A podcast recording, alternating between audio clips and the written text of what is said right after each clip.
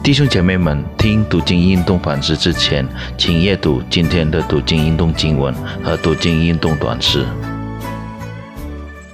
弟兄姐妹平安，今天读经反思，我们要学习神的话，呃，记载在圣经的出埃及记第十三章，主题是上帝是我们的父。我们先来读两段的圣经。就是十三章的第二节，十三章的第十二节。第二节这么说：以色列中凡投生的，无论是人是牲畜，都是我的，要分别为圣归我。第十二节，那时你要将一切投生的，并牲畜中投生的归给耶和华。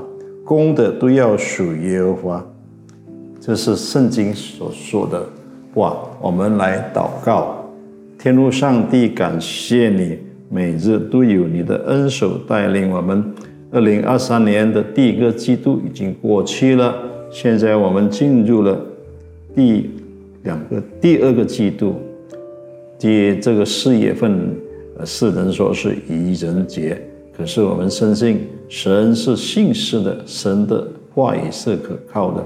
我们要要紧紧的依偎在你的身上，依偎在你的左右，求你的恩手带领我们奔走前面的道路，每天牢记你的话，啊，顺服你，跟随你。我们这样祷告，奉靠主耶稣的名祷告，阿门。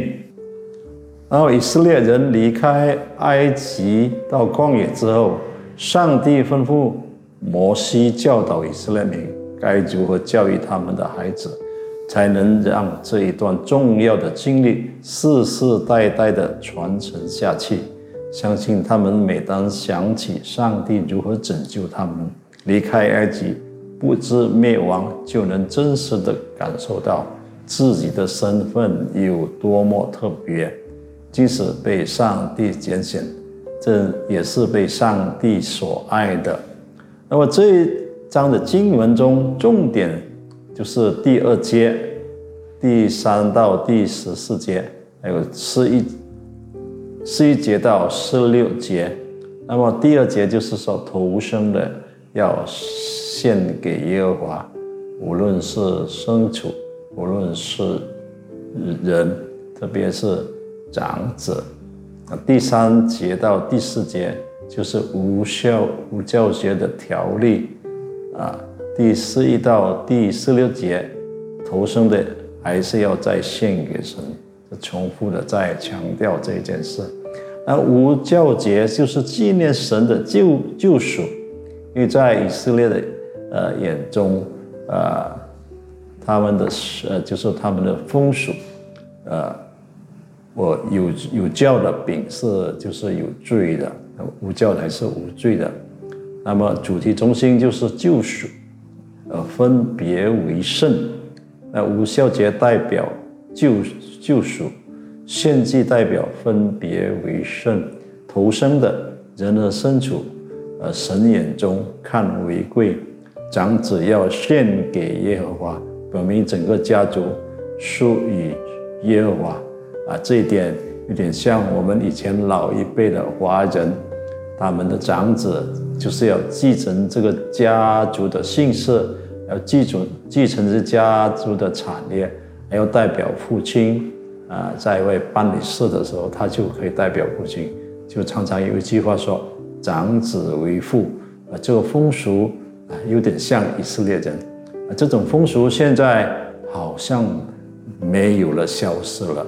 因为这些文化的呃冲击啊，社会的变迁呐，那么人心的啊这些啊，不再信信这些啊美好的风俗啊，把这些都忘了啊，忘了他们的身份，忘了他们自己这些好的呃习俗文化。虽然他们啊很可惜的，常常把长子。呃，交托给他们的啊，所谓的神明，就是要啊做他们的义子。我以前在呃老一辈的华人身上看到这样的事，现在已经没有了，所以还是要归向我们的神啊，听他的话啊。以色列人身上投身的身处出呃出书的土产，也是要献给神的，不但表明感恩，也是呃有救赎的意义。感谢神，他已经将他的长子，也是他的独生子耶稣基督。我们的救主赐给我们，而且为我们牺牲在十字架上。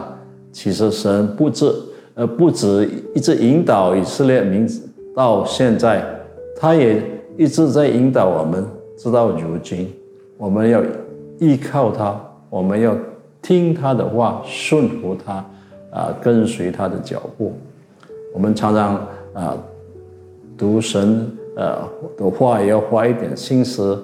啊，来数算这个神的恩典，在我们的一生中安排了那些事、那些人，成为我们重要的帮助啊！因为神的话是我们随时的帮助，是给我们力量、智慧来面对一些生活中的挑战、一些困难的。